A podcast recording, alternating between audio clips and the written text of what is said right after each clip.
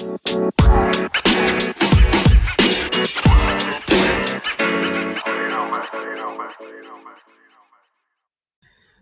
guys, kali ini balik lagi sama William di Higher Ground Social Boss gitu ya. Kita hari ini mau ngomongin soal apakah kita harus selamanya bikin carousel. Ini kayaknya buat teman-teman yang follow Instagram aku, yang sering dengar aku ngajar dan lain-lainnya.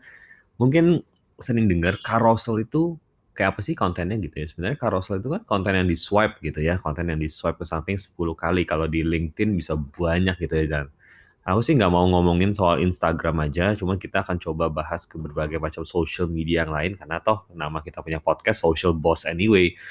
Jadi kita ingin bisa menghasilkan uang lewat konten-konten yang kita buat di social media. Mana pun gitu ya, mau Twitter dan lain-lain terserah. Nah, carousel itu memang salah satu bentuk konten yang lagi growing, se-growing-growingnya banget gitu ya, lagi pokoknya lagi famous banget lah. Semua orang tuh kayaknya bikin carousel, apalagi waktu kemarin lagi PSBB gitu ya, lagi kita semua lagi di rumah gitu, semuanya bosen, semua bikin carousel. Nah, uh, memang di Indonesia itu baru tahun ini banget lah meledak gitu sebenarnya ya. Menurut aku sih di luar negeri udah dari tahun lalu ya kalau menurut aku ngeliat gitu ya. Nah, salah satunya adalah gini, carousel itu kan tren.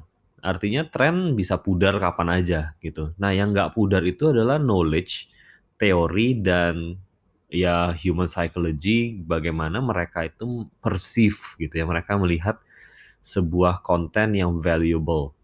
Nggak semua konten bisa kita bilang valuable. Foto kita apakah valuable? Bisa iya bisa enggak apakah carousel kita valuable? Bisa iya bisa enggak tergantung dari mana pertama tergantung dari audiens yang melihat gitu ya kedua adalah relevansinya terhadap sebuah problem gitu. Kalau misalkan gak ada nyambung-nyambungnya sama problem dan gak solve apa-apa, ya nggak valuable sama sekali gitu. Apakah itu menghibur? Kalau enggak ya nggak valuable. Lagian kalau carousel menghibur kayaknya agak aneh lah. Aku belum pernah ngeliat sih ada stand up comedian misalkan tiba-tiba bikin carousel yang menghibur. Bikinnya carousel, TikTok influencer tiba-tiba bikin carousel buat aku nggak ada. Entertaining atau enggak entertainment biasanya memang bukan dalam bentuk carousel. Carousel biasanya lebih arah edukasi. Itu orang-orang ngajar dan lain-lain biasanya bikin carousel. Makanya consultants, advisors pada demen bikin apa namanya carousel gitu sebenarnya apakah harus enggak sih menurut aku sih sama sekali enggak jadi kalau misalnya teman-teman yang pernah join kelas coaching aku di social boss program kita juga uh, aku sih nggak pernah ngajarin orang bagaimana caranya bikin carousel yang baik gitu ya karena apa karena aku tahu carousel ini cuma tren suatu hari juga dia hilang gitu toh ya jadi yang perlu kita ngerti adalah bagaimana cara membuat konten yang baik, bukan bikin carousel yang baik. Bikin carousel yang baik bisa nggak jadi sebuah uh, pelajaran tertentu? Bisa sih sebenarnya, cuma esensinya bukan itu.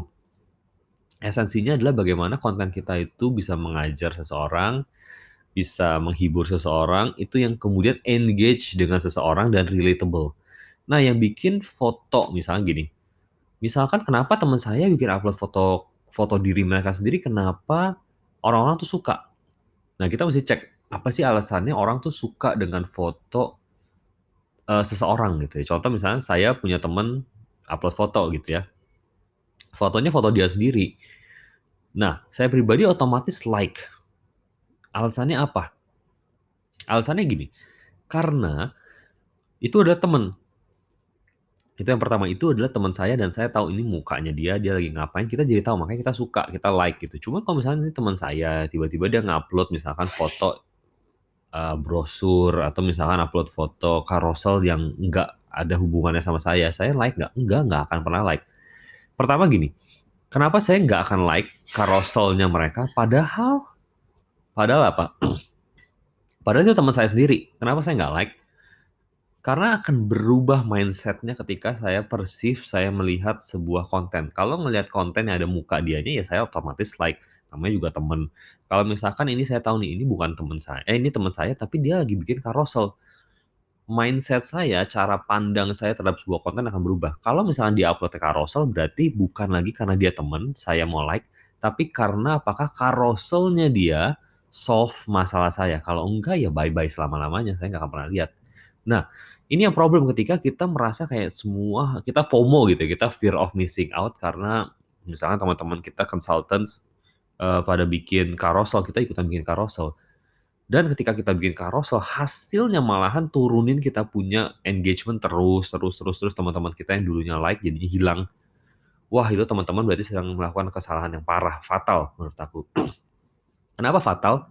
Gini, Instagram itu kan di-tag sebuah konten itu di-like atau enggak per harinya. Kalau misalnya kita konsisten tiap hari, hari ini dia like nggak, besok dia like nggak, hari ini like, besok dia nggak like, apa yang terjadi? Algoritmanya itu hitung semua. Nah, hari ini kita bikin carousel teman kita nggak like. Besok kita bikin carousel lagi, teman kita yang tadi nggak like lagi. Semingguan kita bikin carousel, teman kita tujuh-tujuhnya nggak like. Apa yang terjadi dengan algoritma kita? Bye-bye. Teman-teman hilang dari dari feed-nya mereka. Kalau semakin hilang, reach-nya akan semakin turun, dan teman-teman akan semakin apa? Makin gak ditemukan. Teman-teman bikin carousel 5 jam nggak ada gunanya, sia-sia. Kenapa? Simple.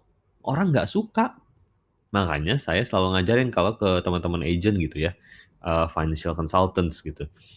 Bikin konten itu yang orang suka tentang kita. Kita cek lah kalau misalnya memang orang gak ada yang suka bikin kita punya carousel, nggak usah bikin carousel. Kita bisa edukasi lewat apa sih? Lewat foto kita. Nah, yang penting itu adalah halaman satu. Kalau misalnya kita mau bikin carousel, misalkan gini, kita mau bikin carousel, kita cek apa sih yang ngehook, apa yang bikin mereka tuh stop scrolling sebenarnya. Karena itu penting ketika kita bisa nge-stop orang dari scrolling, berarti kita bisa ambil perhatian mereka. Buat aku gini strateginya, bisa jadi kita langkah pertama adalah halaman pertama foto kita, slide keduanya baru pelajaran.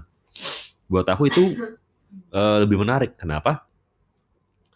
Orang suka kita as a person, mereka bisa belajar dari apa yang kita tulis, mereka bisa baca caption kita, dan mereka full dapatnya. Relatable dan juga dapat edukasinya juga kalau misalnya kita mau entertainment plus edukasi pakai TikTok udah pasti itu menghibur banget gitu ya. Nah jadi uh, kita mesti cek gitu kalau misalnya kita full on carousel memang ada yang bilang gini. Carousel itu kenapa lebih baik dibandingkan konten edukasi yang lain? Karena visual stimulusnya lebih tinggi katanya gitu ya. Karena apa sih visual stimulus gitu sebenarnya?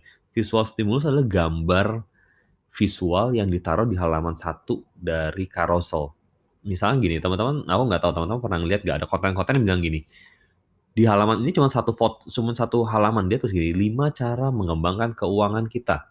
Nomor satu, nomor dua, nomor tiga, nomor empat, nomor lima, dijadiin satu halaman semua. Visualnya parah. Aku tahu itu visualnya jelek banget karena itu cuma tulisan doang. Tapi carousel secara visual lebih menarik karena kita kayak baca presentasi orang yang uh, yang menarik gitu ya. Nah, Problemnya nggak semua orang pengen baca presentasi.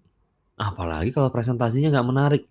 Ya, jadi pastikan ketika bikin carousel, hook-nya kita harus menarik. Makanya kita bisa pakai hook-nya foto kita sendiri. Orang tuh selama ini suka sama foto kita, pakai foto kita aja. Di swipe baru pelajaran. Gitu. Jadi carousel kita halaman 2 sampai 10 kalau hook halaman satunya aja nggak menarik ya kita bikin buang-buang waktu gitu. Jadi carousel apakah harus? Enggak buat aku gini, goalnya dari misalnya contoh consultants gitu ya, financial consultants adalah gini, kita pingin disukai sebagai seorang pribadi dan dihargai sebagai seorang profesional gitu. Jadi kalau misalkan kita aja orang nggak pernah lihat muka kita, nggak tahu nama kita, bahkan even worse, atau nggak pernah suka dengan konten yang kita buat, ya gimana mereka bisa mau beli sama kita?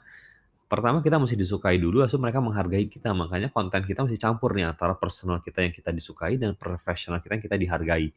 Foto pribadi boleh nggak bro? Boleh, silahkan. Nggak apa-apa juga. Kenapa mesti takut gitu upload? Karena hari-hari ini aku dapat banyak banget DM orang tuh jadi ketakutan upload gitu. Upload mah upload aja. Kalau misalnya jelek ya juga ya udah. Namanya juga bikin konten. Ada hari yang bagus, ada hari yang jelek.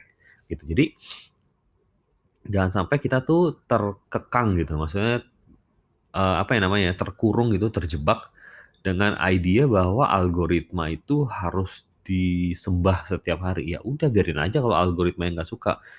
Nah problemnya lagi nih, kalau misalnya kita mau memaksakan diri dengan apa yang orang nggak udah nggak gini, kita udah tahu orang nggak suka dan kita nggak mau belajar, ya susah ya diomong ya. Aku juga IGTV gitu, contoh aku bikin IGTV, aku tahu orang nggak nggak banyak yang nonton.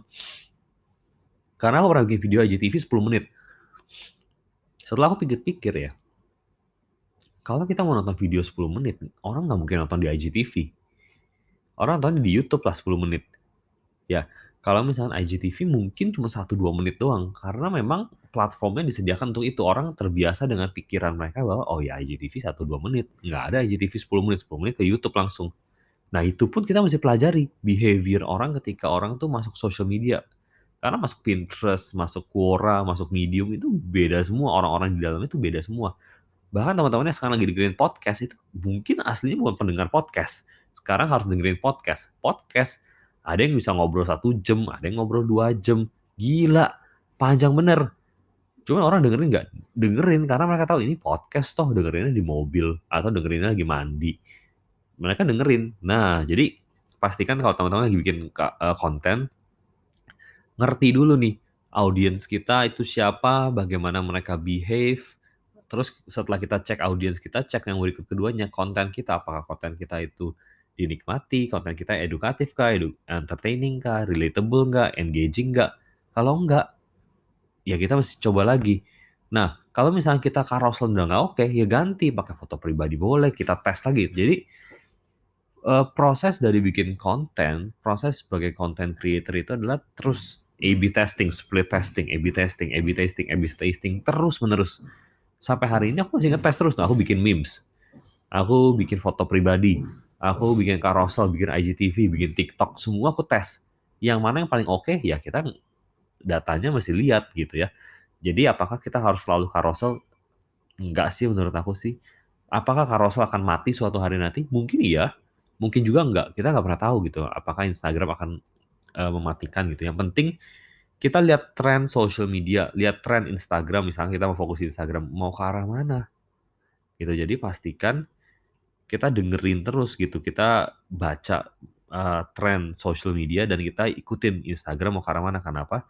Karena Instagram akan selalu kasih uh, extra rich gitu ya untuk konten-konten eh konten apa fitur-fitur yang baru mereka keluarin. Nah itu kita mesti ikutin tuh trennya ke arah mana gitu ya. Jadi thank you banget nih buat teman-teman yang udah dengerin uh, 12 menit ini obrolan gitu ya. Uh, semoga bisa ngebantu teman-teman juga untuk terus bertumbuh, meningkatkan uh, social media presence-nya. Kenapa? Karena aku percaya orang yang masih bertahan hari ini adalah orang yang akan suatu hari mendapatkan keuntungan dari social media. Aku udah ngeliat banyak content creator yang udah mulai berguguran, financial consultants yang udah kembali pada pekerjaan dasarnya, yang terus cold calling dan prospecting terus-menerus, tapi nggak bangun personal branding. Ada nggak yang masih lanjut? Ada dan aku percaya yang nasi lanjut itu adalah orang-orang yang akan bertahan dan nanti suatu saat akan menuai hasilnya. Aku nggak tahu kapan, tapi akan dituai hasilnya. Nah mungkin itu bisa juga jadi konten podcast kita berikutnya. Kapan sih orang tuh mau beli produk dan jasa kita? Oke, jadi pastikan teman-teman follow Spotify-nya, podcastnya. Kalau teman-teman di Google Podcast bisa di follow juga. Kalau teman-teman khusus yang dengerin dari Apple Podcast, pastikan teman-teman kasih review juga di sana karena siapa tahu kontennya ini bisa naik ke atas dan makin banyak orang yang mendengarkan dan melihat bahwa pentingnya personal branding untuk pekerjaan mereka gitu ya. Jadi thank you banget udah dengerin dan kita ketemu lagi di Social Boss episode berikutnya. Dan yeah, we'll see you later. Thank you.